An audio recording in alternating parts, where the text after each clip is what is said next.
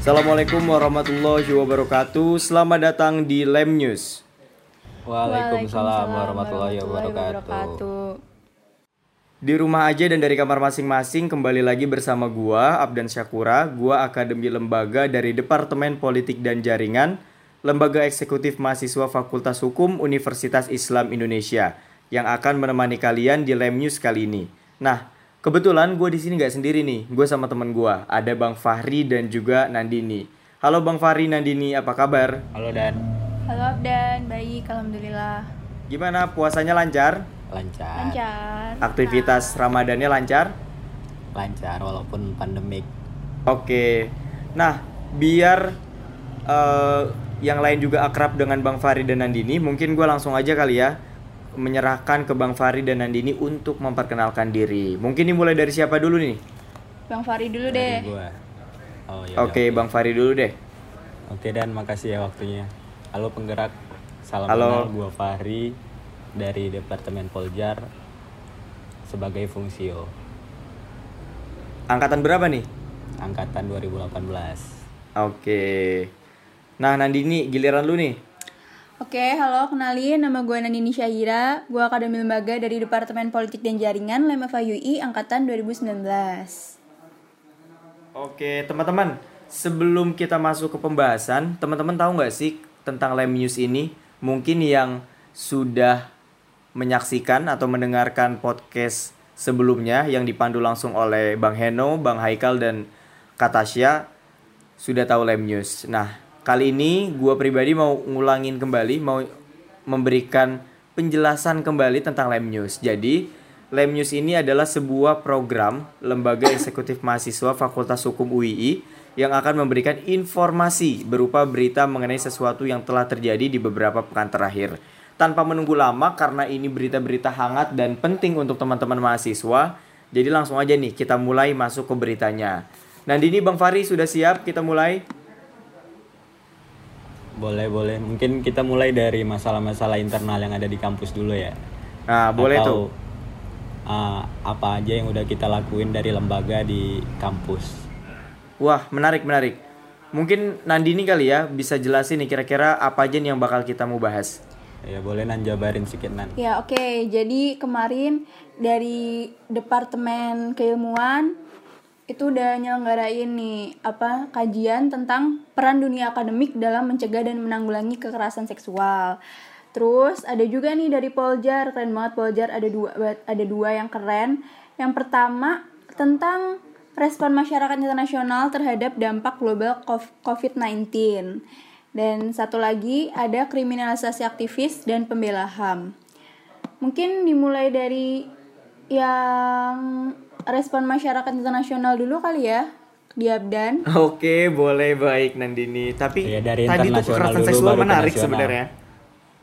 Oke. Tapi kalau- nggak apa-apa. Oke, oke, oke. Jadi mana dulu nih Nggak kekerasan seksual biar dari dulu internasional, atau respon biar masyarakat dari internasional? internasional, ntar kita ke nasional. Ini kita kalau deketan pasti gambreng. Oke, Nandini Jadi dulu deh. deh. Ladies first. Oke, eh, se- secara garis besar aja ya, sekilas aja tentang kekerasan seksual. Jadi kemarin dari Departemen Keilmuan nih udah ngadain kajian tentang kekerasan seksual. Balik lagi kekerasan seksual. Itu ada pematerinya ada dua. Ada Bapak Rohidin selaku rektor 3 juga dari Universitas Islam Indonesia dan yang kedua ada Mbak Pipin Mbak Pipin Dosen ya? Mbak dari Pipin UGM Jameson. kalau nggak salah. Iya, Mbak Pipin Jameson, dosen DPP UGM. Itu bahas tentang eh, pelecehan seksual yang sekarang tuh masih marak terjadi banget nih di kampus. Gitu. Dan mungkin peran kampusnya lebih memiliki kebijakan yang demokratis dengan melibatkan mahasiswa gitu. Lanjut Wow, aja- keren banget kajiannya. lanjut aja kali ya. Oke, boleh deh lanjut aja mungkin ke respon masyarakat internasional kali ya. Ya, Oke, teman-teman kali ini bakal gue yang jelasin. Jadi ngobrolin soal COVID, ini hampir semua negara ngobrolin COVID. Maka dari itu, Departemen Politik dan Jaringan LMFA UI ngadain diskusi publik bersama dengan Pak Hangga Fatana. Pak Hangga Fatana ini adalah Kepala Program Studi Hubungan Internasional Fakultas Psiko- Psikologi Sosial dan Budaya Universitas Islam Indonesia. Nah, jadi dalam pembahasannya dijelaskan tuh bagaimana masyarakat-masyarakat internasional baik itu negara maupun OI atau organisasi internasional seperti WHO, World Bank, WTO dan organisasi-organisasi lainnya memberikan respon menanggapi mengenai COVID-19 ini dan bagaimana mereka bersinergi untuk sama-sama saling menguatkan, saling memberikan masukan dan juga dorongan baik bentuknya kebijakan ataupun saran agar masalah COVID-19 ini terselesaikan karena melihat COVID-19 ini atau COVID-19 ini hampir semua negara itu memerlukan rekan-rekan lainnya baik itu negara maupun uh, organisasi internasional dalam menghadapi COVID-19 itu sendiri. Jadi poin utama dari uh, diskusi ini nih Nandini Bang Fari uh, ada kata-kata yang memang menjadi uh, penting yaitu adalah sinergitas. Jadi memang dalam menghadapi situasi sulit di sini kita perlu sama-sama sama-sama di rumah aja, sama-sama untuk uh, menggunakan masker, sama-sama untuk menggunakan hand sanitizer dan sama-sama untuk kelola keuangan. Dan yang paling penting adalah harus mendukung segala bentuk kebijakan yang sifatnya itu uh, menyelesaikan masalah dan tidak merugikan banyak pihak. Itu sih paling dari diskusi respon masyarakat internasional karena membahas bagaimana aktor negara dan aktor negara menghadapi COVID-19 ini. Kalau dari Waduh. kriminalisasi Terima aktivis kasih dan gimana tuh Bang? penjelasannya. Langsung ke gue Ya, ya. langsung ke Bang Fari aja tuh keren banget. Nah. Soalnya dari temanya udah kelihatan. Nah, Poljar juga baru nyelenggarain diskusi publik nih tentang kriminalisasi aktivis dan pembela HAM. Poljar sendiri mengangkat tema ini karena adanya penangkapan yang baru-baru aja kita ketahui bersama ya kepada Raffio Patra.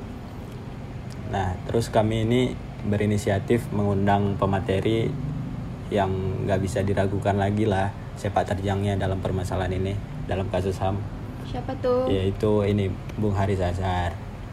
Alhamdulillah beliau mau mengisi materi kita ya.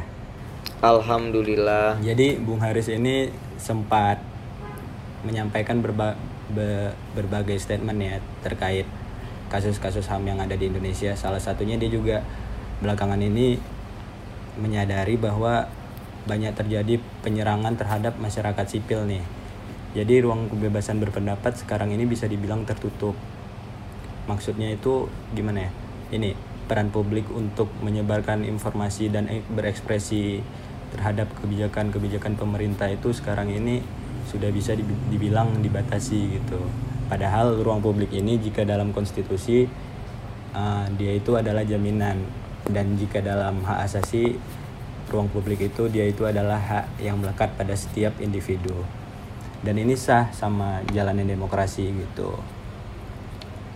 Kalau kita sebagai mahasiswa perannya seharusnya dalam penanganan kasus HAM ini kita cuman bisa apa ya mengawal terus lah kebijakan-kebijakan pemerintah terkait kasus HAM ini. Karena kan kita memiliki beberapa peran ya salah duanya itu kontrol dan kontrol sosial dan agent of change. Di mana mahasiswa itu harusnya sungguh-sungguh mencari ilmu yang insya Allah bisa bisa jadi amal gitu untuk masyarakat. Luar biasa itu- ya Bang ya kalau ngobrolin soal aktivis tuh nggak jauh-jauh tuh Bang biasanya dari mahasiswa itu sendiri. Nah, kira-kira peran mahasiswa itu gimana sih Bang? Nah, peran mahasiswa itu tadi dan yang udah gue sampaikan. Jadi kita ini sebagai agent of change itu seharusnya bisa merubah keadaan lah kita yang dari Hmm, kritis menjadi uh, apa ya? in- menjadi tentram damai gitu ya. Terus sebenarnya ini dalam kasus HAM dalam kasus HAM ini pemerintah ini nggak melakukan apa ya kinerjanya dengan baik gitu soalnya dalam era Munir kemarin itu Hendro Prayono sebagai ketua BIN udah bertanggung jawab itu atas eh, atas apa ya atas kasus ini jadi sebenarnya dia itu dia itu udah bersedia tanggung jawab tapi pemerintah tapi presiden Indonesia ya nggak mau nggak mau mengungkap gitu kasus ini jadi kita Wah, berarti menarik ya Bang ya diskusi terus. kemarin tuh. Iya gitulah singkatnya dari diskusi kemarin. Oke, luar biasa ya tadi kita sudah mendengarkan eh, tiga aktivitas diskusi publik yang sudah dilaksanakan oleh dua departemen, satu departemen keilmuan dan duanya adalah departemen politik dan jaringan. Bang Fahri Nandini mungkin kalau boleh saya menambahkan ada nih yang menjadi tiga isu pada diskusi respon masyarakat internasional menghadapi tantangan global COVID-19. Jadi ada tiga isu tuh yang diangkat. Yang pertama magnitude of COVID-19 challenge, terus diplomacy in the time of COVID-19 dan observation on post COVID-19 world. Jadi kurang lebih itu sih pembahasan dari diskusi yang diselenggarakan oleh Poljar bersama dengan Kepala Program Studi Hubungan Internasional. Nah, mungkin ada lagi kali ya Bang ya informasi-informasi internal kalau nggak salah SPP ya. kondisi COVID ini ngobrolin SPP juga ya. Iya, Gimana terkait tuh, kebijakan Bang? kampus yang memperpanjang libur kita ya. Jadi Iya. para mahasiswa nih banyak bertanya-tanya nih, SPP kita kok nggak turun nih? Kita kok tetap bayar segitu padahal kan nggak bayar wifi dan lain-lain gitu ya. Nah jadi pertanyaan-pertanyaan ini udah kami sampaikan nih kepada advokasi. Terus advokasi udah jawab karena kemarin kita udah bayar SPP, jadi pembayaran selanjutnya yang bisa dikurangin itu insya Allah. Jadi pembayaran semester kemarin udah gitu. Nanti semester depan baru dikurangin. Oke, informasi penting nih. Nandini Tapi mungkin mungkin nanti menambahin Nan? bisa ngejelasin lebih jelas. Ya, nah, tapi nih sebenarnya kalau misalkan di pembayaran kemarin kalian belum bayar gitu, ada yang belum bayar kan mungkin itu bisa eh, SPP-nya dikurangin untuk SPP yang saat itu gitu dan diundur sampai tanggal 8 Juni gitu. Kalau misalkan untuk yang belum bayar ya, tapi kalau yang udah bayar tetap bisa isi formnya itu, tapi nanti akan dikuranginya di eh, SPP yang akan datang gitu. Hmm. Jadi pasti dikurangin atau enggak tuh? Pasti dikurangin dan ada tiga kriteria kalau nggak salah jadi ada yang kalau misalkan terhenti banget itu Hmm. tujuh dikurangi 750 terus yang kedua dikurangi 500 dan 250 nah yang terakhir itu yang mungkin terdampaknya dikit banget itu Yang bisa penting kita ngisi form aja ya, pembayarannya tenggat ya. waktunya sampai tanggal 8 Juni tapi semuanya sih tetap di Iya, tetap ada dapat tenggat waktunya sampai tanggal 8 Juni gitu. Tuh jangan lupa tuh kawan-kawan. Oke, makasih banyak ya Bang ya sudah ngejelasin tadi tentang aktivitas-aktivitas Bang Fahri Nandini, aktivitas-aktivitas internal. Mungkin setelah ini kita akan lanjut pembahasan ke berita-berita yang ada di isu-isu nasional negara kita sendiri. Oke? Oke, lanjut. Oke, lanjut. Kasih paham dan Nah guys, lanjut nih kita bahas ke berita selanjutnya. Tadi kan udah tuh kita bahas lingkup internal, bener gak bang? benar.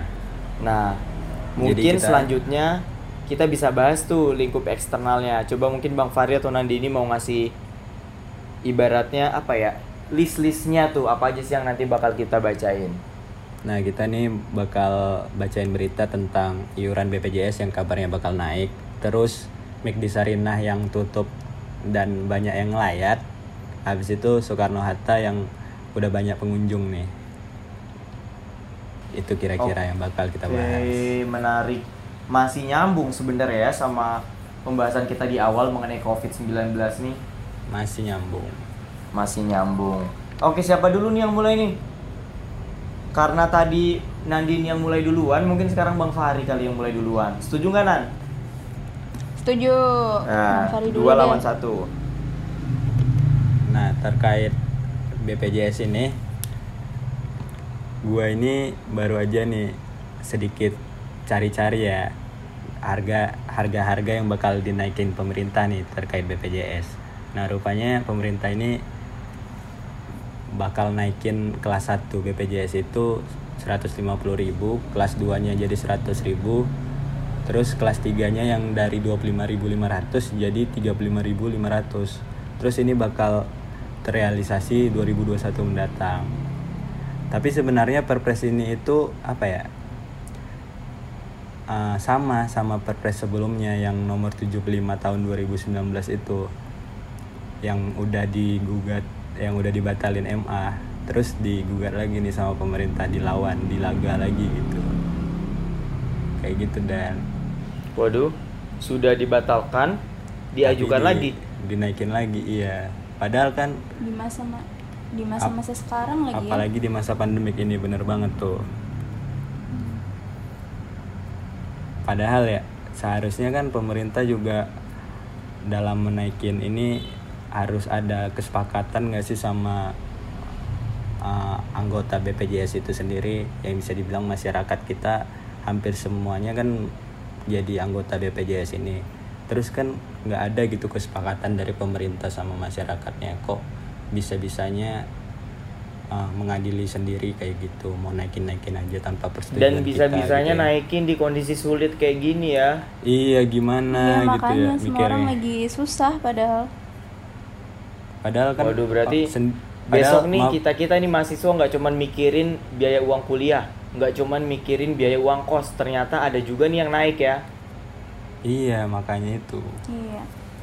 Padahal kan kalau udah digugat MA kemarin terus dibatalin harusnya itu padahal Mahfud MD sendiri nih yang bilang kalau MA itu udah membatalin berarti itu putusannya itu udah final gitu. Judicial review itu ya udah final gitu. MA itu nggak bisa diganggu gugat. Ya harusnya pemerintah ya bisa menghormatinya aja gitu loh. Jangan malah dinaikin lagi nih isunya Oh Ngapain iya, coba benar. Jokowi Benar, benar tuh, Bang. ribet-ribet Aduh. buat perpres baru di tengah pandemi ini mending apalagi di bulan Ramadan sibuk ibadah aja kali ya Jadi ibaratnya kita mau emosi tapi lagi tahan tahan tahan lagi puasa lagi puasa. iya dan Oh iya, ada quotes menarik nih bang berkaitan Apa sama tuh? ini. Jadi ada istilah seperti ini. Salah satu ke kewibawaan negara hukum adalah dengan dihormatinya suatu putusan pengadilan. Nah, MA ini kan suatu apa ya? eh, sebagai pengadilan yang memutuskan tentang tidak dinaikannya BPJS pada saat di awal. Iya. Nah, tiba-tiba dinaikkan kembali, otomatis kan berarti putusan sebelumnya diabaikan dong, padahal substansinya sama-sama tidak untuk dinaikkan, tapi malah Hmm. diajukan kenaikan yang baru melalui perpres. apalagi Nah, isi itu perpresnya itu sama gitu loh apa coba isinya sama kan lagi? padahal ya. iya Tapi kan kalau kemungkinan di, digugat lagi ke MA bisa nggak sih? bisa dan Ke mana? kemungkinan ditolaknya juga besar gitu karena Iya, sama betul. isinya Karena kalau ukuran gue perpres ya, kan dia di bawah undang-undang, jadi ya mau nggak mau dia harus lewat Mahkamah Agung. Mm-mm. terus Oke. ada berita apa lagi nih yang bakal kita Berita apa bawa? lagi nih Nandini? Ini nih yang kemarin lagi gempar di media sosial soal Waduh. keramaian di McD Sarina. Masya Pada tahu nggak Allah, sih? yang baru tutup itu, Iya. yang katanya jadi- udah 30 padahal kan kita tahun. lagi- iya, padahal kan kita lagi PSBB ya. yang banyak kenangannya itu Buset, Iya, kenangan yang- siapa tuh? yang banyak Banyak orang yang ke sana eh, cuma buat reuni. Karena itu tadi kata Bang Fahri, banyak kenangannya. Hmm. Jadi banyak orang Mungkin- ke sana buat reuni. mungkin ada ini kali nan apa perasaan emosionalnya gitu di tempat Mungkin itu. kali ya. Mungkin kali ya. Dulu sih Tapi gue kan pernah ke situ harusnya- abis poco-poco. Cuma kan kita lagi PSBB ya, harusnya kan kita tetap apa taat aturan. Karena kan kalau kayak gini eh McD-nya juga kena imbasnya nih, jadi kena denda. Pada tahu nggak? oh McD Kena kan denda dari pemerintah Iya, provinsi ya? denda. Iya dari pemerintah pro- provinsi. Oh. Gitu karena eh, kalau alasannya sih katanya karena si McD-nya ini kan ngasih tahu ya di media sosial kita banyak baca kan iya ada jam, tanggal, hari, kapan McD-nya itu ditutup. Jadi orang-orang pada datang. tapi itu buat- sah-sah aja nggak sih dia ngasih informasi terkait itu iya sebenarnya. kalau besok iya yang ya. kalau besok ada yang datang terus nggak tahu kalau udah tutup kan kasihan juga orangnya. Iya sih ya. mungkin karena sekarang lagi PSBB ini kali ya jadi kayak ditakutinnya itu jadi sumber penularan COVID juga. Karena kan kita nggak tahu ya, mungkin kita carrier iya bisa aja. yang datang-datang kemarin itu apa nggak mikirin perasaan kita apa yang udah gabut di rumah bosen tapi tetap nahan Ada lagi yang tetap nahan datang diri buat bikin konten. waduh yang nangis-nangis itu. Iya tuh buat bikin konten di situ. Ya udahlah, Banyak juga sih yang Kan dia udah minta maaf tuh. Oh iya. Semoga aja yang ada di MCD Sarina tuh bukan orang-orang yang virus carrier yang benar-benar bawa virus ke tempat-tempat lainnya. Karena tuh kalau dilihat-lihat kayaknya banyak banget ya Nan ya orang yang datang. Iya dan Dan mereka riskan banget. gitu. Sebenarnya awalnya mereka pakai masker sih, pakai Ah. masker dan jaga jarak. Tapi kan lama-lama saking banyaknya orang, jadi udah nggak memperdulikan itu lagi. Sampai Terus ada juga ini ya Nan ya. Sampai lepas ada masker. Kenapa dan? sampai ada lampu-lampu flashlight kayak konser Selawan Seven tuh ya.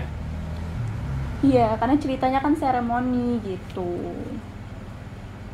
Parah sih Nan. Nggak mikirin Ada jokes perasaan nih Nan dari apa ya. asumsi.co. Kenapa dan? Kenapa dan? Kalau nggak salah kemarin em, MCD Sarina tuh jadi jadi gue bingung nih sebenarnya MCD ini orang-orang tuh ada yang bilang MCD, ada yang bilang McD, ada yang bilang McDonald. Kalau lu, lu tuh pada ma- pada manggil apa? McD sih, McD. McD. McD sih gua. Oke, nggak apa-apa. repot aja kayak lu kan suka yang repot-repot tuh MCD, MCD. MCD. Silakanlah mengucapkan dengan kearifan lokalnya masing-masing. Nah, Ah. MCD Sarina ada bilang kayak gini, Pemprov DKI Jakarta memberikan sanksi denda 10 juta. Nah, itu tuh setara 285 bungkus Big Big Match. Terus mention ke ke sebelah, tau lah ya, sebelah KFC. siapa. Eh, sebut aja lah lu udah sebut McD kayak masa gini. nggak sebut KFC lu? Ah? KFC. Kalau di KFC dapat berapa gitu? Kalau di Iya, KFC dapat ber- dapat apa tuh 10 10 juta, juta? kalau beli ayam goreng restoran sebelah dapat berapa potong tuh? Dapat berapa kira-kira? Berapa ya? 200 kali. Nih, kalau Bisa misalkan buat makan 10 ju- berhari-hari kayaknya. 10 juta dapat 285 Big Big Mac. Nah, kalau misalkan Big Mac Eh, itu isinya restoran apaan sebelah. aja dan? apa? Big Mac itu isinya apaan aja? Burger gak sih yang gede? Oh iya. Iya. Sama Ada kentang dalam gak sih? Iya. Sama kentang Gue ya? sih ja- gue jarang Kenyang gitu itu. Paket ke hemat itu. MCD. Biasanya gue makan di Olive jadi agak kurang tahu. nah, tapi Iya, iya, ada iya. yang menarik nih. Dibales sama KFC Apa tuh? eh nggak usah sebut merek. Dibalas sama restoran sebelah katanya gini, dapat combo winger 400 porsi. Lebih banyak ya. Lebih, Lebih banyak, banyak. 500 porsi. Iya, Cuman bisa sayangnya gitu. restoran sebelah nggak ngadain penutupan. Iya iya. Iya, nggak ada. Ntar heboh lagi.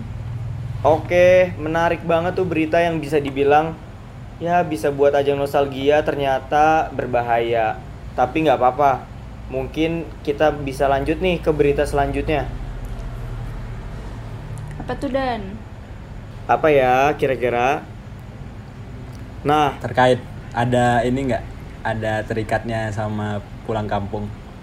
oh betul banget tuh. Ngomong-ngomong Pulang pulang, kampung kampung, di, di episode sebelumnya tuh ngobrolin juga tuh definisi apa pulang kampung sama mudik apaan tuh. Kita nggak boleh mudik ya?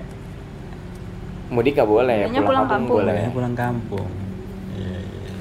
Nah, jadi ada nih berita tentang kepadatan Bandara Soekarno-Hatta pada tanggal 14 Mei 2020 kemarin. Tahu nggak sih fotonya mereka ngantri-ngantri gitu kayak ngantri di tempat check-innya. Iya dan. Iya tahu, kesebar di mana-mana tuh. Nah, jadi tuh Gua- baru gua aja beredar pikir tuh. foto kondisi Terminal 2 Bandara Internasional Soekarno-Hatta Hmm. yang padat penumpang di tengah PSBB menunjukkan ada kelalaian dalam pengawasan. Jadi kondisi Jabodetabek kan Soekarno-Hatta masuknya Tangerang, Jabodetabek, Hmm.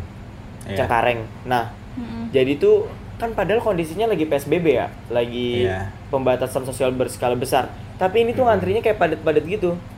Nggak ada jaga jarak gitu. Nah betul nggak ada jaga jarak makanya eh, banyak netizen netizen itu mengecam aktivitas ini. Bayangin nggak sih, Bang Fahri gue mau nanya deh, lu Tapi udah kan berapa bulan di rumah? juga. Gua udah tiga bulan. Udah tiga bulan di rumah aja. Nah Dini lu Iya. udah berapa bulan di rumah aja? Sama, tiga bulan. Hampir tiga bulan ya. Tiga bulan kita tuh berasa sia-sia gara-gara MC di Sarina Iya, sama sak- Bandara Soekarno Hatta ini kan. Sakit hati gue dan. Sakit hati parah. Apalagi Tahu- ini ya perasaan tenaga medis lu bayangin gak sih mereka yang udah berjuang iya. terus ada orang yang fotonya terpampang jelas di Soekarno Hatta nggak jaga jarak itu nggak mikirin perasaan ini apa tenaga medis. Parah banget yang nggak gak bisa sih? jual eh nggak bisa jumpa anaknya terus nggak mikirin perasaan orang-orang yang iya terus nggak mikirin perasaan iya terus nggak mikirin perasaan orang-orang yang mau nikahan tapi nggak jadi yang mau Iya ngelayat tuh. nikahan online ya sedihnya iya yang mau ngelayat ke tempat temannya nggak bisa gara-gara ini itu gimana coba nggak sampai sana. Apa mereka itu nggak nggak bodoh nggak sih? Tapi jahat ya kan? Oke nih bang, mungkin biar Ah. lebih akurat lagi infonya. Jadi gini bang, kata PT Angkasa Pura II menginformasikan bahwa pada Rabu 14 Mei tersebut sempat terjadi antrian calon penumpang pesawat di posko pemeriksaan duk- dokumen perjalanan yang terletak di Terminal 2 Bandara Internasional pada pukul 4 waktu Indonesia bagian Barat. Kemudian sekitar pukul 5 waktu Indonesia bagian Barat sudah tidak terjadi lagi antrian. Jadi memang sebenarnya sempat dibenarkan adanya antrian yang panjang pada jam 4. tapi udah diam cepat diamankan gitu ya Ya, semoga aja nanti mereka-mereka yang pulang kampung nih ya, nggak tahu deh pulang kampung apa mudik, tidak menjadi virus carrier atau pembawa virus bagi sanak keluarga family yang ada di kampung-kampung halamannya. Semoga aja bang ya.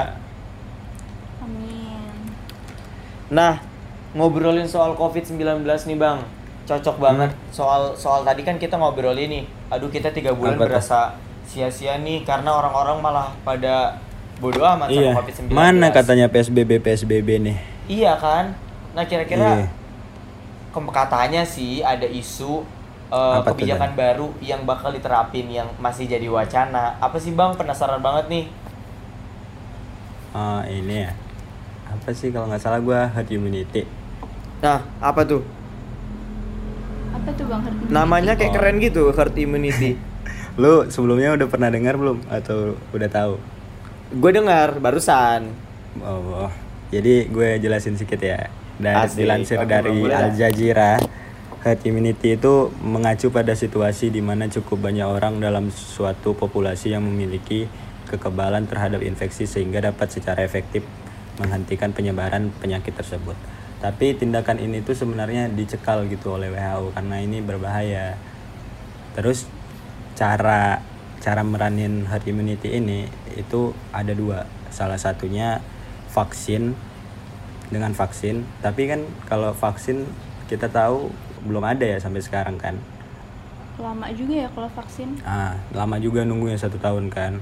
Itu pun belum tentu apa belum tentu benar-benar mengobati atau bisa jadi kebal gitu kan. Terus yang kedua dengan membiarkan 70% populasi terinfeksi virus sehingga akan mendapatkan kekebalan antibodi secara alami. Gitu. Jadi yang memungkinkan bakal diterapin di Indonesia ini yang kedua sih yang menyebarkan secara luas itu membiarkan 70% populasi terinfeksi.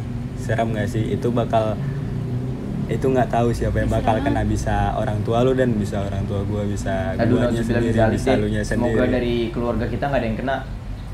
iya makanya itu padahal kan 70% kita juga orang kan beda-beda ya kayak belum tentu setiap orang bakalan kuat gitu imannya Nah. kalau misalkan kena itu iya Nah bang ngobrolin itu, aduh gue Hmm. ngebayangin sih. Lu tahu kan eh, tenaga kesehatan, dokter, perawat tahu kan? kau udah pakai alat pelindung diri yang bener-bener katanya nih ada cerita-cerita termasuk teman gue juga salah satu relawan di eh, rumah sakit Wisma Atlet.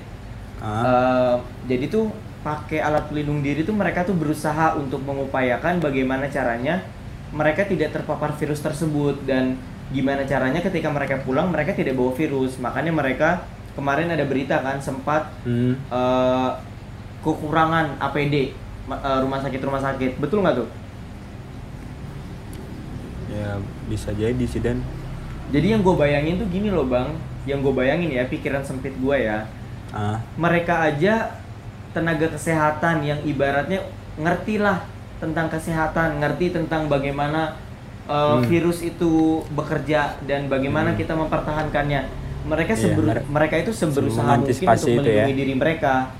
Nah, Ah. sedangkan ya ibaratnya kayak kita kita mah kagak tahu apa-apa ya kan masalah kesehatan Iya. aja kita kagak ada yang tahu. Hmm. Tiba-tiba dibaurin sama orang-orang yang positif. kebayang nggak sih sakit hatinya tenaga kesehatan yang misalkan ini beneran terjadi mudah-mudahan enggak Nah. dan mudah-mudahan punya cara lain gitu ya Iya, nah Tenaga terus lu kebayang iya, terus lu bakal kebayang nggak serame apa ntar rumah sakit kalau bakal ini diterapin.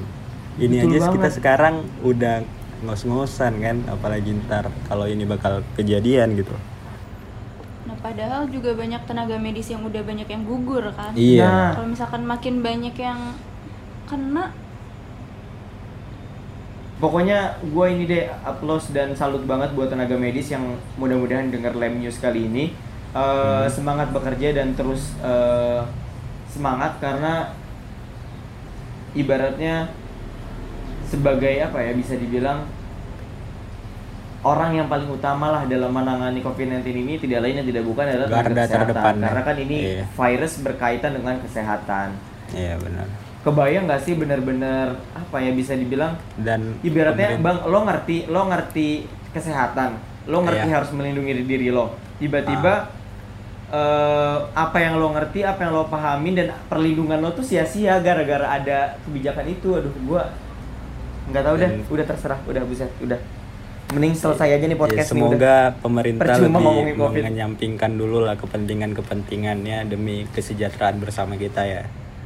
nah, Ekon itu fokus dulu kali ya kalau ke COVID kalau ini. ek- iya kalau ekonomi pasti bisa dicari kan tapi populasi ya gimana ya ya udah Syarat sebuah negara. dan ada rakyatnya negara nggak ada rakyatnya nggak jadi negara nah betul Bos. Nah, itu dia. Nah, itu dia nah bang mungkin apa ya? Yang terakhir nih bolehlah kasih pesan-pesan terakhir sebelum kita mengakhiri podcast eh, pada kali ini. Mungkin siapa dulu nih yang mulai nih Nandini atau eh, Bang Fahri? Siapa dulu nih, Bang? lu aja lah dulu dan kok gua? Nggak apa-apa lu dulu aja. Nanti kan gua terakhir. Ya udah nanti ini dah Nandini Gue apa ya pesennya buat temen-temen yang emang masih bisa di rumah aja, please tolong di rumah aja kita sama-sama bantu. Setengahnya kalau kita nggak bisa bantu banyak dengan kita di rumah aja itu Hmm. udah mengurangi lah eh, memutus rantai persebaran COVID-19 gitu kalau misalkan mau keluar udah kepepet banget harus keluar kelu- harus pakai masker dan jangan lupa hand sanitizernya jangan lupa cuci tangan eh, minimal 20 menit ya kalau nggak salah. Dan cuci tangannya yang Buset. bener ya yang serius. 20 menit lama betul. Jujur aja gue belum Eh, nerapin sumpah, itu gue gue iya. Soalnya gue iya. Jujur aja nih gue belum nerapin itu nih. Kalau gue udah sih kayak di rum- ip- apa di rumah aja tuh tetap ya kayak nanti gitu gue kayak coba dah. udah nanti gue coba Oke, terapin. gua lebih sih nggak apa-apa ya kalau harus cuci tangan, cuman kalau cuci tangan 20 menit yang ada tangan gue Segap. habis kulitnya. licin. Pokoknya licin tuh tangannya tangan. yang bener kali ya iya iya. Pakai sabun gitu. Oke. iya iya. Lanjut ke bang Fahri kali ya. Nah, kalau pesan gue sedikit aja sih semoga orang-orang yang tetap berkeliaran di rumah cepat mengerti ya tentang keadaan kita kapan kita mau kelarnya coba. Kalau kita terus-terusan menyebarkan virus ini gitu loh. Kita bisa aja nggak ngerasa apa-apa karena kita mungkin bisa aja jadi karir gitu. Tapi nggak tahu orang-orang terdekat kita yang nggak sekuat kita Nah, betul menghadapi banget tuh. virus ini gitu loh. Jadi semoga lebih bijak lah dalam apa ya dalam keadaan sekarang tolonglah di rumah aja juga. Soalnya kan kita juga semua pasti bosan gitu loh. Tapi ya udah ini semoga kalau kita kompak kita bakal cepat ngelaluin masalah ini gitu. Itu aja sih dan. Oke, Bang. Mungkin ini yang terakhir ya. Dan ibaratnya semoga ini bisa menjadi penyemangat kita karena Hmm. ini sudah hampir hamin beberapa hari menuju lebaran. Sebelumnya gue minta maaf dulu nih sama teman-teman yang ada di sini Bang Fahri Nandini mohon maaf lahir batin kalau ada salah. oh iya mau lebaran kita Iya. Mohon Iya kan, lahir maaf, lebaran mohon Maaf maaf lahir juga batin cuci dulu. tangannya 20 detik ya depan ini makanya licin tuh Maaf, tangannya Bang. Makanya gue bingung kok cuci tangan sadar. 20 menit. iya makanya Lu lebih-lebih dari WHO Nandini. Ya udah 20 detik ya 20 detik. 20 detik. Oke, maaf lahir batin semuanya. Semoga ibadah dan aktivitas Ramadannya lancar. Tetap di Amin. rumah aja, tetap stay at home karena eh, kita semua pun ya ingin sama-sama kembali beraktivitas ingin uh, pada kondisi yang normal. udara segar lagi di luar ya Betul. Bahkan yang biasanya uh, pacaran di kampus pun akhirnya jadi LDR Ah. juga kan gara-gara pulang. Iya, kan kasihan tuh Iya. pacaran online mending mending kalau masih pacaran kalau udah putus gara-gara ini gimana tuh Den Wis, banyak kali tuh masalah-masalah Pikirin dong perasaan-perasaan mental orang lainnya kan. Mental breakdown gara-gara Covid nih. iya jangan mikirin perbucinan sendiri aja bos Betul. oke lah Apalagi nih ya. em, mereka dipertemukan di Jogja, ada yang dari Medan, ada yang dari Gorontalo. Eh tiba-tiba kepisah lagi gara-gara Covid-19. Kan bahaya kan? mungkin itu Lama aja ya mungkin itu kan aja ya? dulu ya kita ya Oke deh. nanti kita makin ke mana-mana ya. nih Mungkin sampai jumpa nih di episode podcast Lem News selanjutnya. Semoga apa yang kita berikan dapat ya memberikan manfaat yang banyak. Hmm. S- kalau misalkan nggak bisa banyak ya dikit, yang penting ada manfaatnya. Semoga info-info yang kita berikan juga bisa memberikan apa ya sedikitlah pencerahan bagi teman-teman yang ada di rumah. Dan tetap di rumah aja. Stay tune kegiatan-kegiatan kita di Instagram apa bang? lem FAWI Lem FAWI.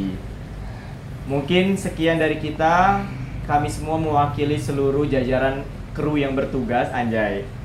Ada Bang Heno, ada Katasya, ada eh, Bang Fari dan Nandini serta yang lainnya mengucapkan mohon maaf lahir batin. Selamat menjalankan ibadah Ramadan yang sebentar lagi menuju hari kemenangan.